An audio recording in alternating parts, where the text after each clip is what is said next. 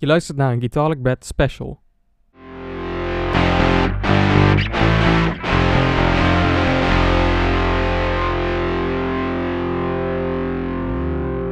Quintijn, waarom hebben de Rolling Stones hun naam eh, zoals die is?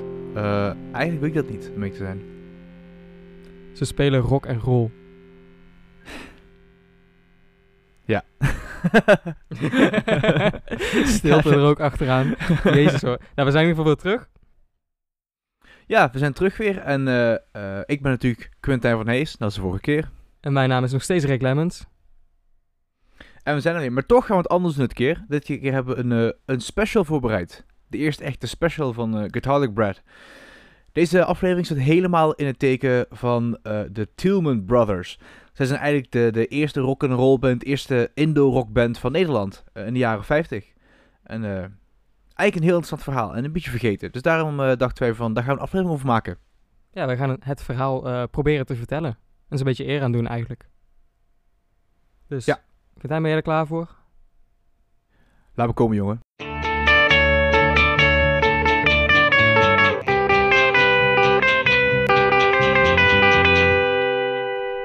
Het verhaal van de band begint uh, in het Indonesië van de jaren 40. In uh, Surabaya heet de stad waar ze wonen. En ze zijn de vier broers Reggie, Andy, Ponton en Lulu. Reggie speelde gitaar, Andy speelde gitaar, Ponton uh, de contrabas en Lulu op de drums. En de band heette toen nog de Timor Rhythm Brothers. En ze werden begeleid door hun vader Hendrik Dirk Tielman. En die zong er volgens mij ook over. In het begin speelden ze onder andere wereldmuziek, uh, 12th Street Rag. En later eigenlijk steeds meer Elvis Presley, dat is een van hun, grotere voorbeelden. Samen met hun zusje, Jane, hebben ze de NIWIN Tour. Nationale Inspannings- en Welzijnsverzorging Indonesië. Dat is een tour langs kampen waar Nederlandse militairen zaten. zoals veel mensen natuurlijk weten, dat was rondom de onafhankelijk onafhankelijkheidsstrijd van Indonesië. Dus er waren heel erg veel Nederlandse militairen in Indonesië toen altijd. Uh, en uiteindelijk ehm, is Indonesië ook onafhankelijk geworden in 1949. En toen hebben ze ook gespeeld voor Sukarno in zijn paleis in, in Indonesië. Sukarno was dan de nieuwe staatshoofd van Indonesië geworden. En in de jaren... En even voor de luisteraars, oh, sorry Quintijn, even voor de luisteraars met die misschien even tussendoor. Niwin was een, een actie of ja, een actie vanuit de Nederlandse staat, geloof ik, in ieder geval vanuit Nederland, werd het georganiseerd uh, tijdens die onafhankelijkheidsstrijd om um, uh, onder andere dus gevangen Nederlandse soldaten te ondersteunen en Nederlanders die in Indonesië op dat moment woonden, volgens mij ook te ondersteunen. Ja, dat klopt. vervolgens in de jaren 50 is het aantal optredens afgenomen van hen helaas. Ja, en de familie Tielman wilde ook naar Brazilië emigreren op dat moment, maar dat mislukte helaas. Toen gingen ze in uh, 1957, vertrokken ze naar Nederland. Zoals best wel veel uh, Indonesiërs destijds deden. Vooral de Indonesiërs die uh, aan de kant van Nederland vochten, of in ieder geval voor Nederland waren in die tijd, tijdens de onafhankelijkheidsstrijd. En Ponton was ze al in november van 1956 voorgegaan. En hij zat in Preda in een uh, con contactpension, geloof ik dat dat zo heette. De uh, familie vertrok wel net op tijd, want rock en roll kreeg grote weerstand in Indonesië in die tijd. Omdat het, het werd gezien als tegen de volksmoraal. En in 1957 werd het zelfs helemaal verboden. Dus het was net op tijd dat ze vertrokken daar en naar Nederland gingen. Ondertussen waren de vier broers uh, heel begaafd geworden in hun spel. Ze waren echt meesters van hun instrumenten. Als je live optredens ziet van ze op tv, wat ze destijds deden, hadden ze echt heel unieke uh, kunstjes uit. Um, ze zijn dan ook pioniers in het showman, showmanship eigenlijk. Ze uh, gooiden gitaren in de lucht en andere dingen deden. Ze gingen zelfs op de contrabas staan van Ponton. Ze waren dus goede spelers en echte, ze maakten echt goede, vermakelijke shows voor het publiek. En dat zet, dat, zet ze wel apart.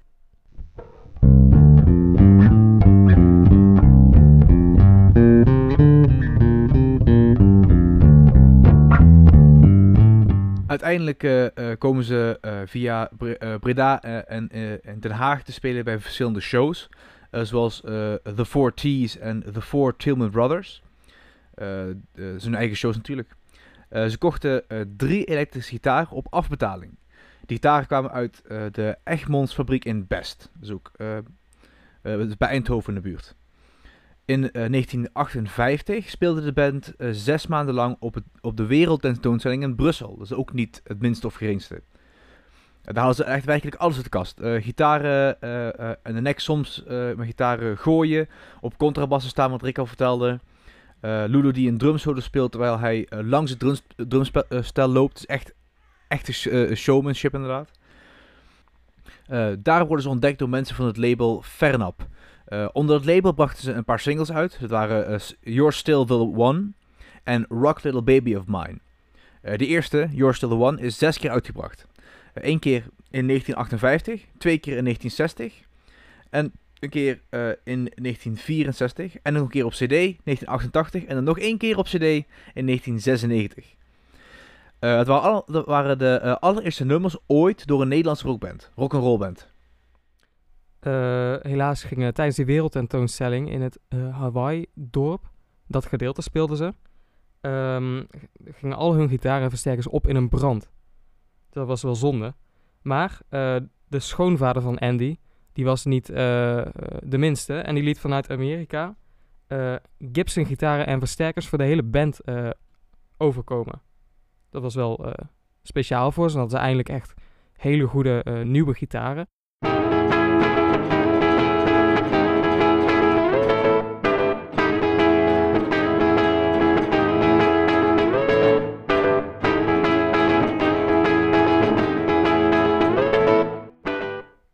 De band had ook een gastrol in de Duitse film Paprika als zichzelf volgens mij. Ze speelden als een band daar in die film. In die film gaven ze een optreden wat ze normaal eigenlijk ook gaven. En ehm, ik heb de clip gezien. En eh, ik geloof het hoofdpersonage ziet ze dan spelen. En ze is helemaal ehm, onder de indruk van de magie van die band.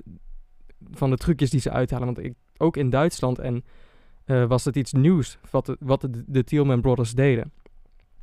Dus ja, dat dat zo op een film eh, te zien is dat de reactie ehm, ook zo is als waarschijnlijk heel veel andere mensen hadden toen ze dat voor het eerst zagen wat de Thielman Brothers deden.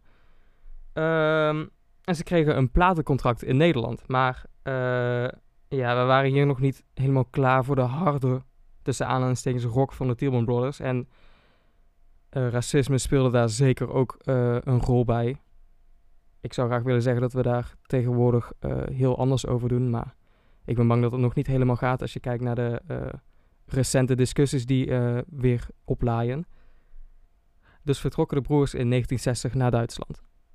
En ehm, daar speelden ze onder andere in Mannheim, Düsseldorf en Heidelberg. En in de laatste plaats zijn ook Amerikaanse GI's gelegen. Dat is ook wel uniek, dat ze voor Amerikaanse GI's eh, speelden. Want ze begonnen, een van hun eerste dingen die ze deden was voor Nederlandse soldaten spelen. En Andy koopt in, in 1961 en dan koopt hij een nieuwe gitaar, een Fender Jazzmaster, een witte is dat. En ehm, die gitaar is een stuk lichter dan zijn eh, Gibson Les Paul. Gibson Les Pauls zijn best wel zwaar, maar die, eh, die nieuwe Fender Jazzmaster is heel licht. En daarmee kan die als een trucs en capriolen met veel meer gemak en souplesse uit, uithalen op eh, stage. Zijn managers zien dat en die, die denken, oké, heel de band gaat vanaf nu Fender. Dus gaan Fender gitaren spelen, Fender versterkers. En ik geloof dat dit wel voor de tijd was dat het normaal was dat je als band eh, een exclusiviteitsdeal had. eh, om als artiest of band maar één merk te spelen of zo. De Les Paul bestond natuurlijk al. Dat is de allereerste signature eh, gitaar natuurlijk, volgens mij. Maar het is best wel uniek dat een hele band gewoon van Gibson naar Fender overstapt. Ze hadden natuurlijk geen deal met een van die merken, maar je ziet het tegenwoordig denk ik niet zo snel meer. Maar natuurlijk andere tijden. Dat was in eh, 1962, 1963, begon ook in Nederland eh, de indruk een beetje aan te slaan. Eh, natuurlijk geïnspireerd door de Tillman Brothers. Eh, Andy en Reggie komen helaas in 1963 eh, in een auto-ongeluk terecht met een vrachtwagen. Daarbij breekt Andy, de, een van de gitaristen, zijn arm. En ik kan daar heel lang stellen, ja, niet meer gitaar spelen zoals je het vroeger kon. Wel een beetje nog, maar dit is niet meer wat het was. Dus hij is meer op zijn zang gaan oefenen. En dat lukt hem best wel goed. Hij bereikt vijf octaven met zang, dus best wel groot. rond diezelfde periode beginnen ook, begint ook de Beatles door te breken. en in 1964 stopt Ponton met drummen. Dus het Tielman Brothers wordt een beetje uitgekleed. Er komen twee nieuwe leden bij van de band. En ze gaan iets meer experimenteren, à la de Beatles, met hun muziek. Ja, wat de Tielman Brothers doen is vooral experimenteren met hun gitaargeluid. Zo heeft Andy uh, vier pick-ups in zijn gitaar zitten. En zijn gitaar heeft dan ook tien snaren. Dat is wel iets wat je in die tijd volgens mij nog niet heel vaak zag. En Reggie speelt een Fender bas. Maar niet zomaar een bas, want op die bas heeft hij gewoon normale dunne gitaarsnaren zitten zodat hij wat meer ondersteunend kan zijn in het gitaarspel. En daarnaast heeft de band ook een normale bassist die, het, die de baspartijen voor zich neemt. De band gaat ook weer in Nederland spelen. En dit, ditmaal wel met grandioos succes ook. Ze behalen plaats 7 van de top 40 in 1967 met Little Bird. dat is hun meest succesvolle nummer ook, Little Bird. Maar toch, de sfeer in Nederland was niet echt optimaal. Dat was wel beter dan in de uh, vroege jaren 60. Maar de racisme en, en het gebrek aan waardering was nog steeds heel erg uh, aanwezig in Nederland voor de Indo-rockers. Dus besloten ze uiteindelijk naar Australië te verhuizen. ik, ik kan me best voorstellen als je natuurlijk de nadeel speelt voor, voor heel veel mensen en ze waardeer je niet en, en, ze blijven dingen roepen als, als of, of, of je vergelijkt met apen. Ik kan me best voorstellen dat je dan zegt van ja, ik vind het goed, ik ga ergens anders heen.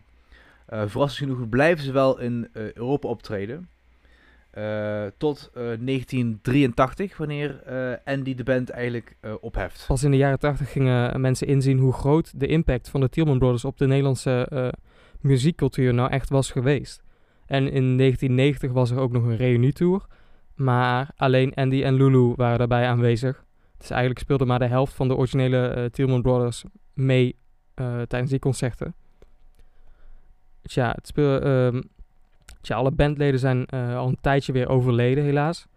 Maar ik denk dat we wel met zekerheid kunnen zeggen dat ze echt een stempel hebben gedrukt op de Nederlandse muziekcultuur. Ik bedoel, hun muziek en optredens legden in feite uh, een groot deel van het grondwerk voor bands als de Golden Earring. En ze worden ook nog steeds geëerd. Uh, deze week, op 7 augustus 2020, komt de plaat Tielman Brothers Golden Years uit. daar staan verdeeld over twee LP's 35 nummers op. Een groot deel van hun discografie wordt gewoon nog steeds opnieuw uh, gedrukt, letterlijk. Uh, en dan mag ook wel een beetje erkenning, uh, want veel mensen denken dat, dat een van de eerste echte rock'n'roll hits in Nederland Kom van het dak af was van, van Peter Koelewijn. is natuurlijk een lekkere banger natuurlijk, iedereen kent die wel. Maar ja, het, het is gewoon niet waar. De eerste rock'n'roll was de Indo rock'n'roll van onder andere de Tillman Brothers. En waarschijnlijk die erkenning, ja, is gewoon achtergebleven doordat zij gewoon Indonesisch waren. Nederland van de jaren 50 en 60 was gewoon niet klaar om, om uh, niet-Nederlandse artiesten te erkennen als, als, als vooruitstrevend. Dat, dat ja, is natuurlijk gewoon geworteld in racisme in Nederland. En als je nou zelf kennis wil maken met de muziek van de Tillman Brothers, kun je luisteren naar het album Best of TV Shows uit 1998. Er is daar een compilatie van gemaakt. Het zijn nummers, zoals de naam al zegt, die ze op tv live speelden. Dus daarbij komt naar mijn mening ook wel het grootste gedeelte van hun uh, repertoire tot zijn recht als ze het live doen. Veel van de energie uh, zit daar ook in dan. Ja, zo'n verscheiden aanbod aan nummers, best wel veel verschillend. Qua muzikale klank, maar ook qua inhoud. Sommige nummers wordt helemaal niet gezongen. nummer AAA wordt alleen maar A gezongen slash geneuried. Terwijl andere nummers, zoals You're Still The One For Me, zijn nummers met juist wat meer diepgang erin. Dus zeker gaan luisteren. Wij zijn in ieder geval klaar met deze podcast. Uh, tot de volgende keer en bedankt voor het luisteren. Ja, bedankt voor het luisteren naar onze eerste speciale aflevering van de Guitar Bed podcast. Als je nou een normale aflevering wil luisteren, kijk dan ook even op alle streamingsdiensten waar, waar wij vanaf uh, heden op te luisteren zijn. Zoals Spotify, Breaker, Google Podcasts, binnenkort ook op Apple Podcasts en meer. Kijk voor linkjes in de beschrijving. Bedankt voor het luisteren en uh, ik was Rick Lemmens.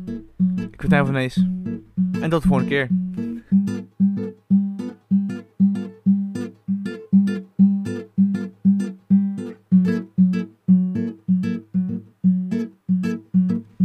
Bedankt voor het luisteren naar de Guitar Bread podcast. Kijk voor meer afleveringen en artikelen op www.guitarlicbread.blogspot.com.